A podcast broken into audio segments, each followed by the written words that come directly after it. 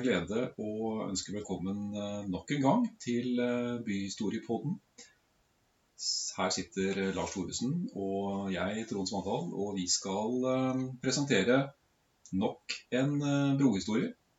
Nok et jubileum. Men nå skal vi da bevege oss litt fra den store Fredrikstadbrua til en annen viktig bro i Fredrikstad, nemlig Kråkerøybroa. Og Kråkerøy det er et sted du har et uh, nært og kjært forhold til, eh, Lars?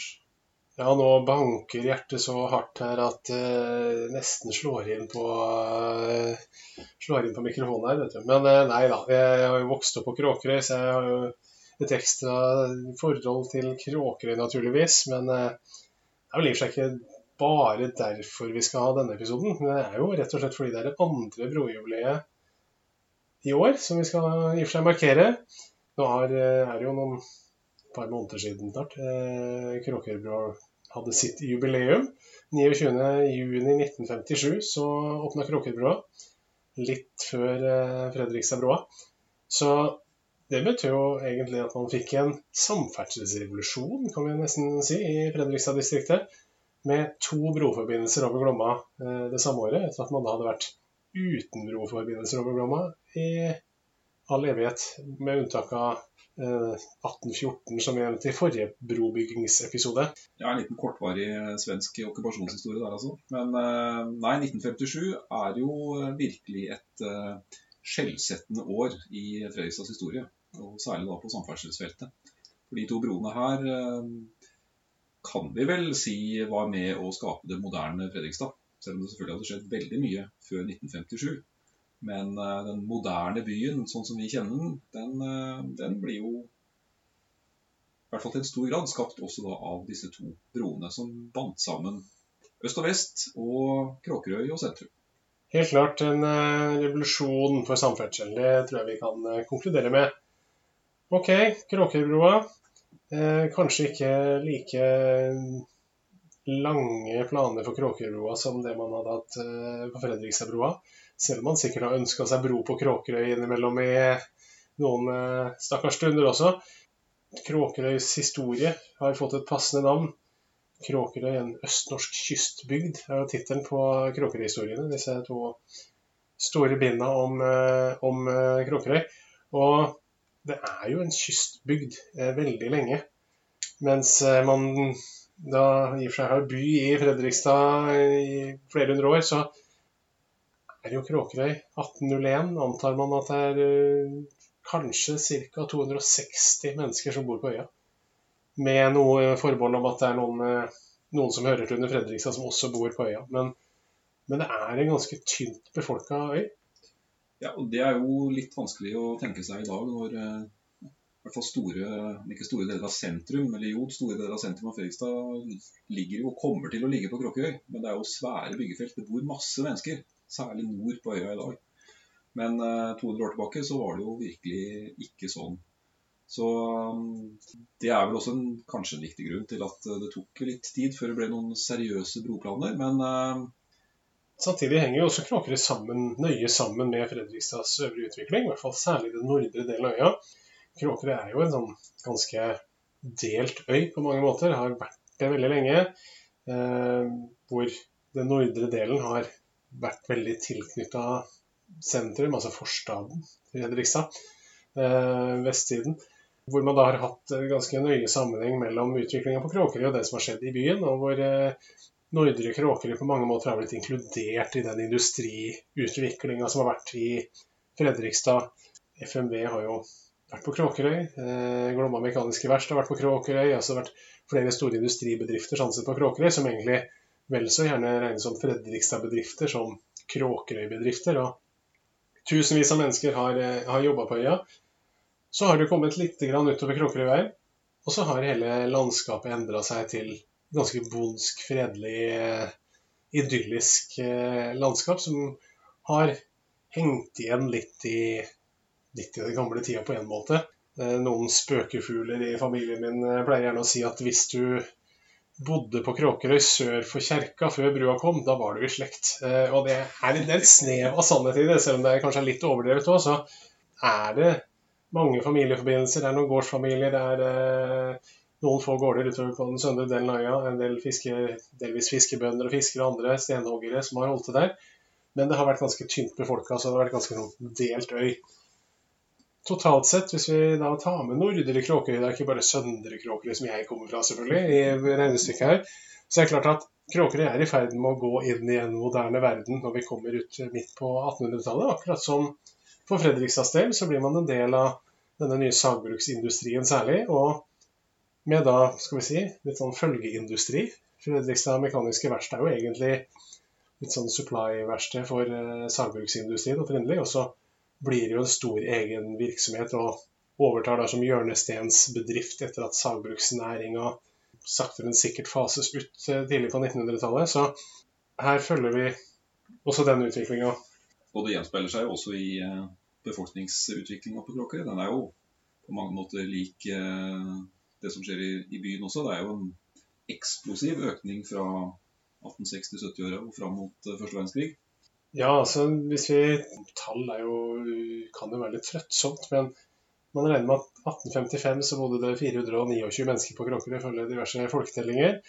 Og så kommer det da fram til eh, Skal vi hoppe inn i 1900, da, bare for å få litt avstand på dette her og se med langsiktig utvikling. Det er over 2600 mennesker som bor på øya. Så det er klart, dette her går ganske Det er en fordobling opptil flere ganger her i løpet av disse 45 åra. Så ting går unna også på Kråkerøy.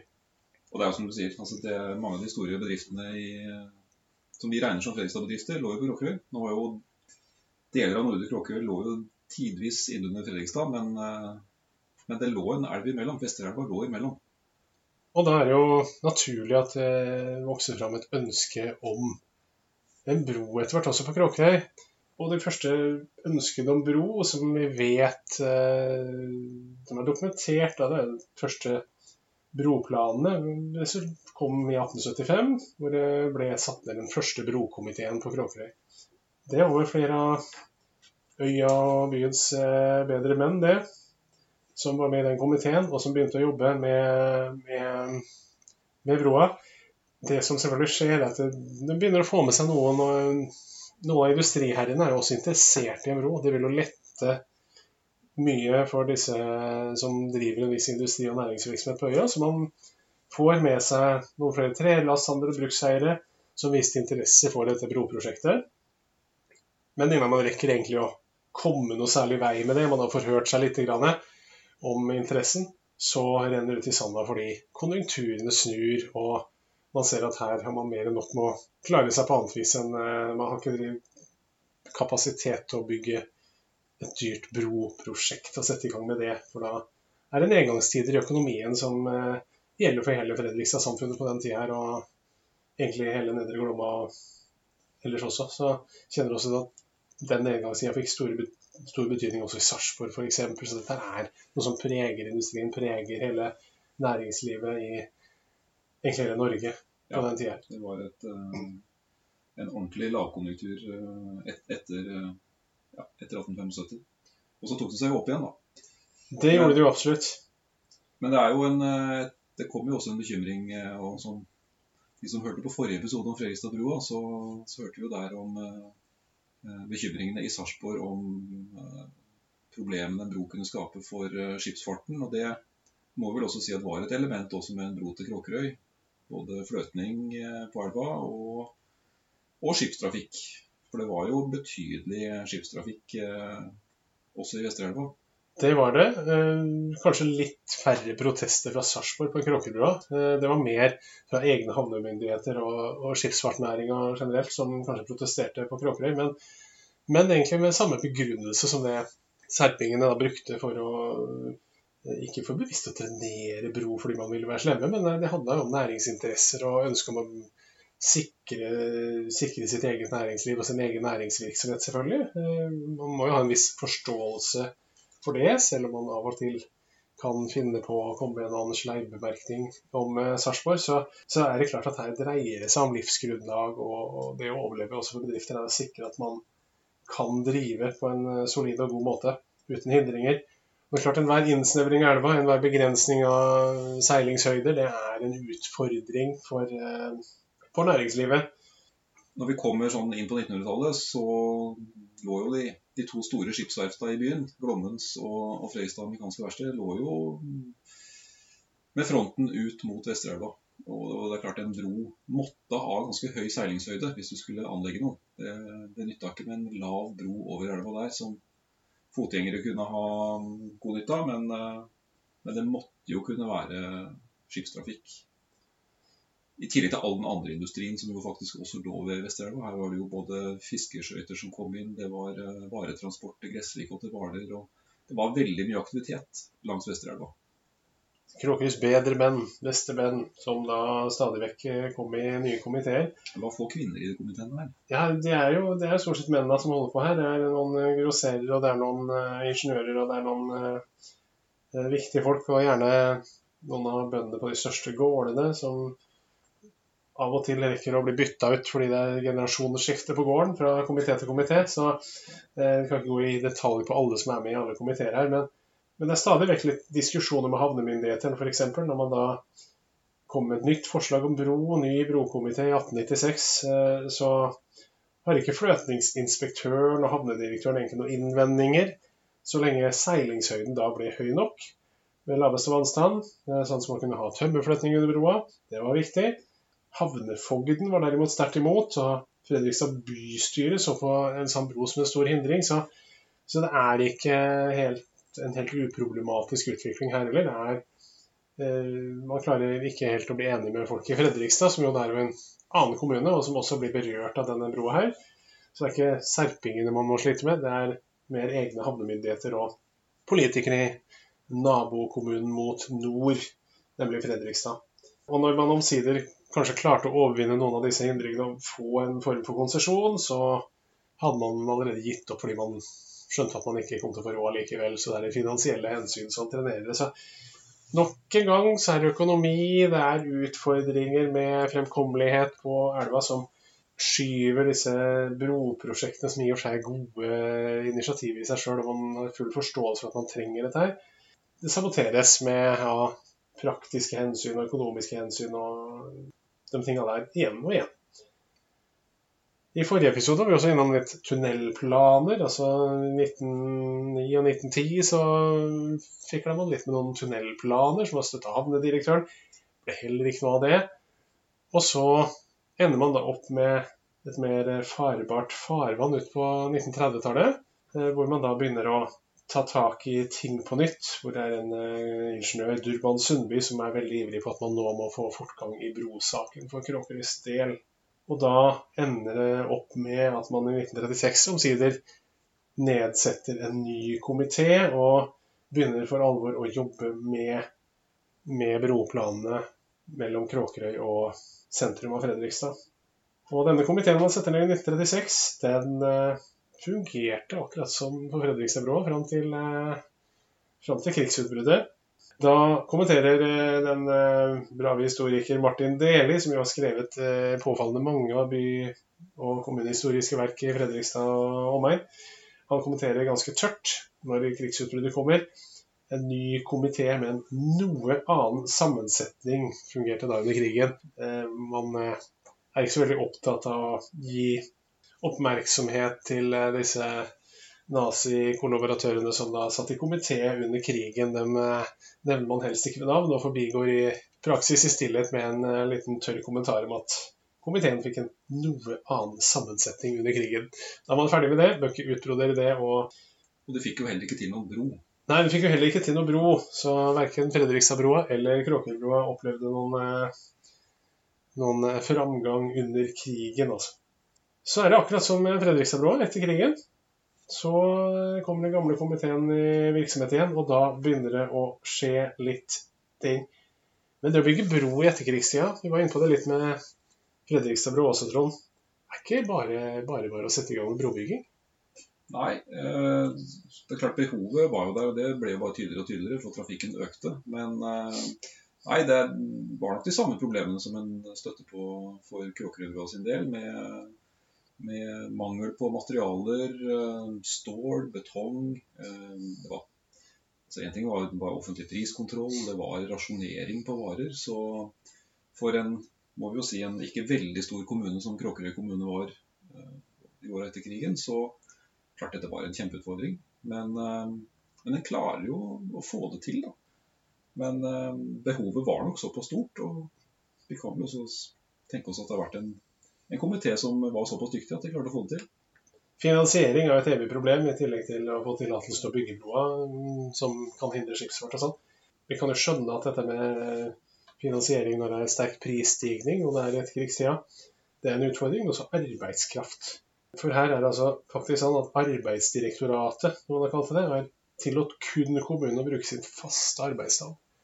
En kvote på 17 mann som skulle få jobbe med dette prosjektet. Det er klart, i gjenoppbyggingens tid, gjenreisningstida etter eh, andre verdenskrig, så, så er eh, alle gode arbeidsfolk eh, nødvendige for å bygge landet. Da har man en utfordring når man skal bygge et nytt broprosjekt. Og det er veldig tydelig i Kråkøybroas tilfelle, da, at man måtte kun bruke de egne kommunale folka i utgangspunktet. Det skiller seg jo ganske mye fra hvis vi ser tilbake på 30-tallet og nødsåra da, hvor en jo satte i gang samferdselsprosjekter bare for å gi folk jobb. Etterkrigsåra var det noe helt annet.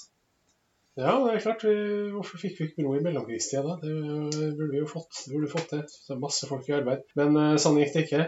Arbeidet med Kråkebrød starta derimot for fullt i 1951. Man begynte med sprengningsarbeidet på Kråkesida. Det tar ganske lang tid. Disse sprengningsarbeidene kunne jo når man hadde bestemt broløpet Man kjøpte opp eh, tomt på andre siden av elva, sånn som man skulle ha et landingspunkt på bysiden. Mm. Så begynner man jo med sprengningsarbeider, men, men, man begynner først med broa på Fredrikstad-sida i 1954, så det blir et ganske sånn langtrukket prosjekt. da. Takk for at dette er et mindre broprosjekt enn Fredrikstad-broa, så er det klart det tar lang tid å bli ferdig her. så... Ja, det må vi si at det, at det gjorde. og det har vært eh, Det sier nok eh, selvfølgelig også litt om eh, finansiering og muligheten for å bygge her. Det var det var nok et litt mer drive over Fredrikstadbrua. Eh, men, eh, men, det skrider jo sakte, men sikkert eh, framover. Det gjør det, og, men, men, men, samtidig så er det Det var jo noen utfordringer og forsinkelser også på Fredrikstadbrua. Noe av det er jo litt pussig for oss i dag, da, som lever i en, sånn, en verden hvor økonomien i Europa er ganske tett integrert. Når man handler lett over landegrensene. Forhandlinger med Norges Bank er faktisk en av disse tinga som eh, forsinker Kråkerbrua med flere måneder. For man må forhandle med Norges Bank om tysk valuta. Og bare det alene da forsinka, denne bygginga med flere måneder. Fordi man da bruker eh, Stahlbau Eggers fra Hamburg, som eh, da fikk oppgave med, med, stålkonstruksjonen. De hadde for øvrig også stålkonstruksjon på Fredrikstadbrua, så de var aktive her i distriktet med store konstruksjoner på den tida. Så men bare å få betalt dem de pengene de skulle ha, og få eh, jobba med dette her, altså flere måneders eh, utsettelse fordi Norges Bank skulle inn og surre med dette her. Det er jo eh, en litt annen tid enn, de har vært vant til. Så er det jo også litt interessant da, at man velger et, et, tysk firma. Dette er jo ikke mange år etter krigen, og, men allikevel så er det da en uh, tysk leverandør som, uh, som, er tungt inne både i Fredrikstadbrua og Kråkerøybroa. Det må man, jo, må man, jo, kunne si at det er jo skal vi si ikke pussig, men det er jo verdt å merke seg i ja. etterkrigstida at det, det, gikk ganske kjapt å få integrert eh, et moderne, litt mer moderne og fredelig Tyskland i, i den europeiske økonomien sånn sett. Eh, alt det tyske vil man ikke se helt bort fra, i hvert fall. Så ganske tydelig her. Men det er jo to ganske forskjellige broer, da. Kråkebrua og Fredrikstadbrua. På Fredrikstadbrua der valgte en jo en, eh, en høybroløsning. Eh, en fast bro, ikke noen eh, bevegelige elementer. Det ble jo aldri noe av denne heve- og senkebroa som var planlagt på 30-tallet. Men Kråkebrua er noe annet. Kråkebrua er noe helt annet. En vippebro som har vært til glede og frustrasjon i årtier etterpå. Så lenge den fungerer og ikke broklaffene har kilt seg fast og ikke kunne bli senka igjen og sånn, så har det vært eh, bra. Eh, men en helt annen type bro, hvor man da er avhengig av åpning og lukking for å slippe skipstrafikken gjennom, i hvert fall den som er for høytravende til til å komme ut.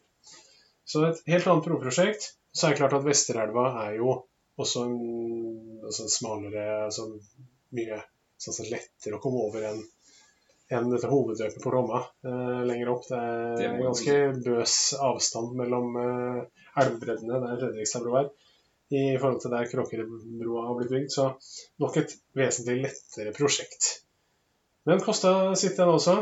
Og selvfølgelig så endte man opp med mye Jeg har ikke alle detaljene i alle kriser her, men i mars eh, 1948 så anslo man at broa kom til å koste 1, drøyt 1,7 millioner. 1956 hadde steget til 2,6. Med prisstigningen så er kanskje ikke det så rart, men man anslo en sluttsum på 3,5 mill., og bare et par måneder senere var den på over 4 millioner. Så Kråkerøy-folket protesterte og ville ha granskningskommisjoner for å finne ut hvorfor denne broa hadde blitt så dyr. Så stort folkelig engasjement i flere omganger først for å få bro, men så senere for å undersøke hvorfor i all verden ble dette her så dyrt. Så overskridelser, eh, det ser man i mange prosjekter, og det skaper mye leven rundt byggeprosjektet her, altså. Så eh, bør ikke ta alle detaljene i hvem som krangler med hvem når og sånn, men, eh, men det er, eh, er en del som er misfornøyde, og som Ja, stadig vekk protesterer. det var jo protester, eller det var jo i hvert fall ganske mange spørsmål mot Fredrikstadbrua som også fikk overskridelser. Men vi må vel kanskje si at det var et større, et større engasjement på Kråkerøy også i den siden av saken. Nå var nok overskridelsene sånn prosentvis større på Kråkerøybrua også. Men, eh, og i en anstrengt kommuneøkonomi i en ikke veldig stor kommune, så er det klart eh, dette ble nok ansett som eh, alvorlig også. Men bro ble det. Bro ble det, og broa ble også Broåpninga ble også en uh, suksess. Kanskje ikke like grandios som uh, denne voldsomme feiringa av Fredrikstadbroa, men eh, et eller annet sted mellom 5000 og 15 000-20 000 mennesker anslås det. De mer edruelige mener vel at 5000 kanskje er mer, mer riktig antall enn eh, noe euforisk eh, gjetningen på 20 000 ved broåpninga på Kråkerøy. Men det var eh, høytidelig, en stor begivenhet for Kråkerøy. Mange benytta jo muligheten til å komme seg gratis over broa de første timene. For her ble det også bompenger, akkurat som på Fredrikstadbroa. Ja, faktisk så- også bompenger for gående. Det eh, fremstår jo veldig spesielt i dag, men eh, det var det altså. Bompenger og bropenger er ikke noe, det er ikke noe nytt fenomen. Ikke noe nytt fenomen. Eller man kan jo kanskje forstå at man ville Altså, i 1957 så er det klart Det er mange flere som Man ser på persontrafikken, da. Altså antall, antall kjøretøyer som passerte Altså ble frakta med ferja mellom Kråkerøy og byen. Var vel 110 000 kjøretøy som ble frakta over elva i 1955. Mens antall personer som ble frakta med denne hovedferja mellom Kråkerøy og eh, bysiden, var jo på nesten 1,9 millioner. Så det er klart hvis du da ikke skal ha betaling fra 1,9 millioner brukere, altså passeringer, det ville vært eh, Det er klart eh, mange av fotgjengere, mange sykla, kom seg dit eh, på postens hester, altså, mellom øya og, og fastlandet. Så det er klart da er det også en viktig inntektskilde, antageligvis. Altså, for det er såpass mye fotgjengertrafikk. Og såpass få bilister.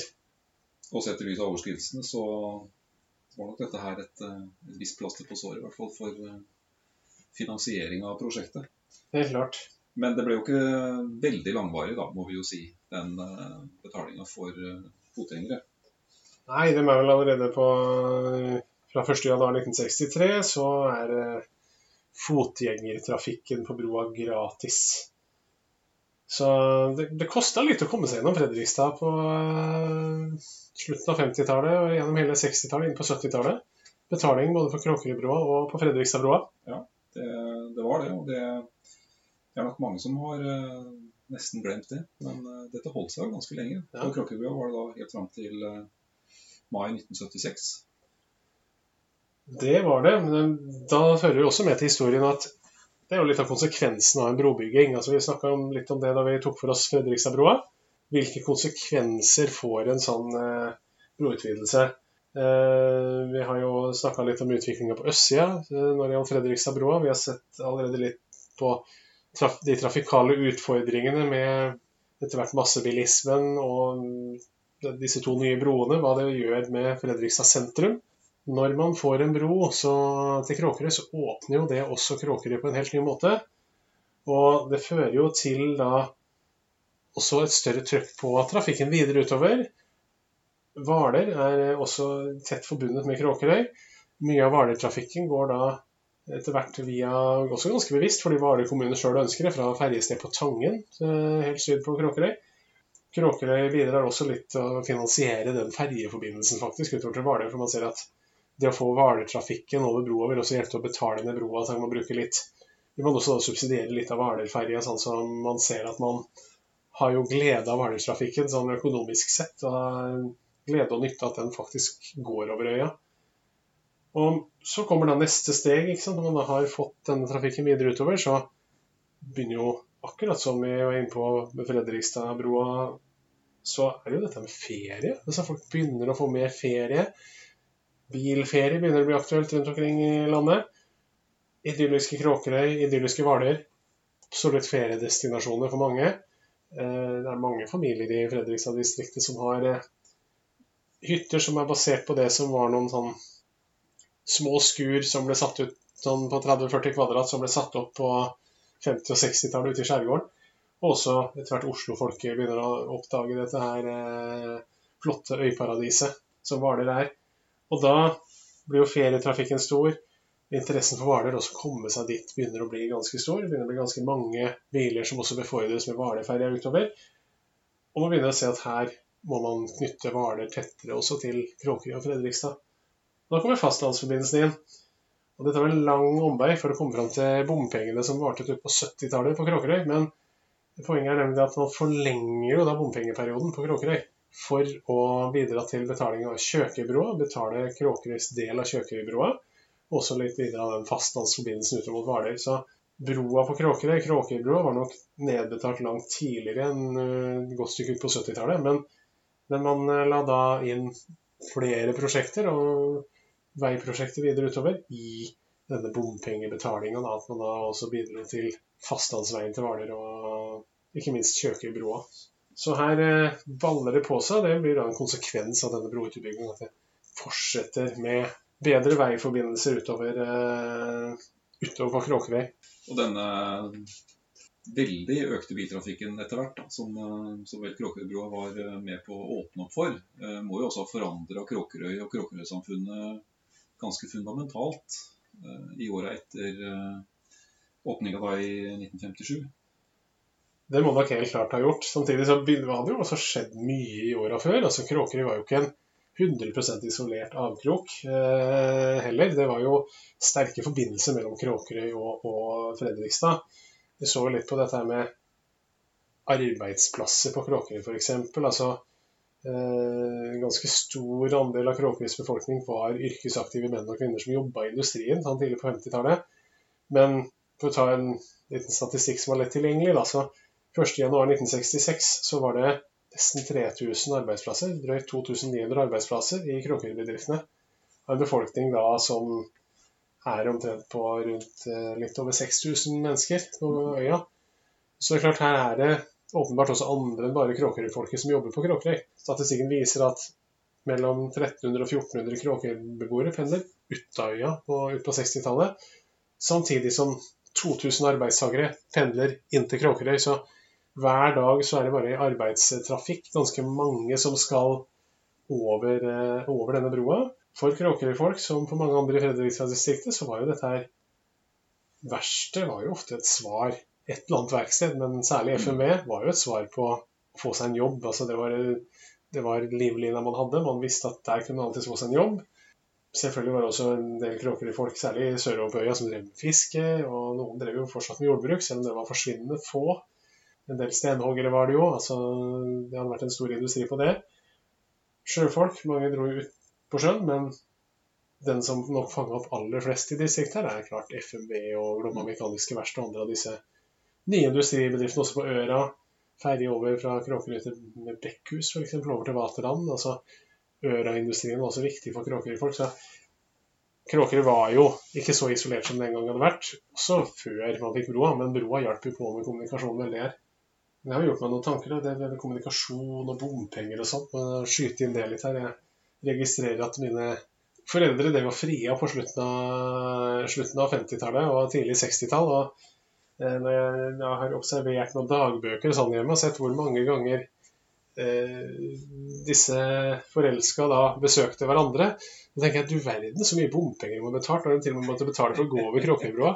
For det var mange turer fra midt ute på Kråkerøy og eh, over til eh, Nabbetorp-området. Så det har røket med noen eh, bompenger eh, på det frieriet der. Altså, så mulig at familieøkonomien fortsatt lider under det, hva vet jeg. Det er i hvert fall blitt noen kroner der. Men det ga muligheter. Rask kommunikasjon. Bandt byen sammen. Endra selvfølgelig også Kråkerøy sakte, men sikkert. Har jo også, må jo ta en familiehistorie til. altså Eh, Alshus er i dag et moderne boligområde ute på Kråkerøy, selvfølgelig. Et av de litt tidligere utbygde sånn typiske byggefeltene på Kråkerøy. Men altså, det var jo en periode hvor det var noen fiskere som bodde på noen knauser langs eh, elva. Og bestefaren min, som var da fisker, han tok med seg noen damer i nabolaget i eh, denne Va-båten sin og kjørte på lørdagen opp, opp, til eh, sentrum for at de skulle få handle. og at det var Den enkleste måten å få med seg varene hjem var jo bare å slippe det ned i båten hans og putte det rett hjem til brygga. og At det var en vel så farbar vei å ta det på elva som å drive oss og komme seg landeveien eh, til byen. altså. Så det var nok litt karakterforskjell på deler av øya, altså hvordan man ja, båten forsvant nok ikke helt. Nei, den gjorde ikke det, altså. Og nå, når du forlater historien, skal ikke jeg, skal ikke jeg trekke fram Nabbetorp-visa. Nei, nei, den er jo i og for seg en uh, pussig sak i seg sjøl. Mange Fredrikstad kjenner den. Det er vel skrevet av en av de som jobba på Fredrikstadbro-prosjektet. Han satt og filosoferte litt over hva broa kunne bety. Broa er jo et uh, stort tema der. Denne Anna som forsvant ute Storesand, eller hvor det var. Ja, det gikk jo ikke så bra. Det gikk ikke så bra, men hadde denne broa eksistert, så hadde jo ikke rodd gæli i tåkehavet. Er ikke det sånn eh, fritt gjengitt her? Så, så fant det seg en ute Storesand som Får bare beklage hvis den sangen fester seg litt i bakhuet til folk utover når de har hørt på denne episoden. Men eh, det er jo litt obligatorisk kunnskap, eh, Det er vel noe man bør kunne som god Fredrikstad-borger, i hvert fall. Så OK, det var litt om konsekvenser av, av broa. Vet ikke om det er noe mer. Kunne vi tenkt oss et Kråkerøy, da? Uten broa? Det er veldig idyllisk da, på en måte. Litt sånn Sjarmen med broa utover, med ferje utover mener det. Altså, det er jo litt sånn eh, Du kommer ut på Hvaler og skal på de ytre øyene. Sjarmen med ferje. Men Bilferje til Bjølstad. Bilferje til Bjølstad hadde nok vært ganske upraktisk i et moderne arbeidsliv. Og, og se på trafikken over Kråkerbrua, og ikke minst det at man har fått både en gangbro og ikke minst verkstedbro etterpå, Kråkerøy uten broforbindelse, det hadde vært eh, hadde lamma Fredrikstad sentrum, i hvert fall. Det med ferjekø. Eh, ganske greit. Tesla på Tesla, det moderne Kråkerøy som slår godt ut på de sosioøkonomiske målingene eh, vi har her i byen. Så det har blitt, blitt et paradis for mange og et attraktivt sted å bo. Ikke bare for det som en gang var 1800-tallets fiskebønder og hva, nå, hva vi nå kan kalle det. Så er det Vi må vel innrømme at det har skjedd ganske store endringer på Kråkerøy. Og Kråkerøy uten en bro, det, der tror jeg vi er helt enige. Det er umulig å se for seg. Det funka nok bra for de drøyt eh, 260 sjelene som bodde der i 1801, men eh, Kråkerøy anno 2022 trenger både én og to broer. Og det kom man jo i mål med.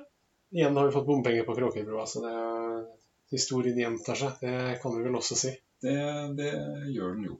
Da har vi klart å bygge noen, eh, noen broer i dag òg. Så, får det være, så får det være bro over til neste episode. Ja, Vi har både bygd bro fra øst til vest og mellom nord og sør, og det kan jo trenges i vår eh, behøves sterkt i vår eh, verden, det. Men med en viss uro. Så Men vi holder oss til det mer konkrete og ting som gjerne har skjedd for litt tid tilbake. Så for annen brobygging og mer moderne art, det får være litt utafor vårt eh, si, jurisdiksjonsområde som historikere. vet ikke. Det får, vi, eh, det, det får vi si. Kommer plutselig tilbake med nye episoder, gjør vi ikke det, Trond? Det gjør vi. Med nye temaer. Får vi se om det er brobygging eller andre ting som eh, dukker opp neste gang. Det har vel en plan? Det vil vise seg. Takk for nok en hyggelig prat, Trond. Takk selv, Lars.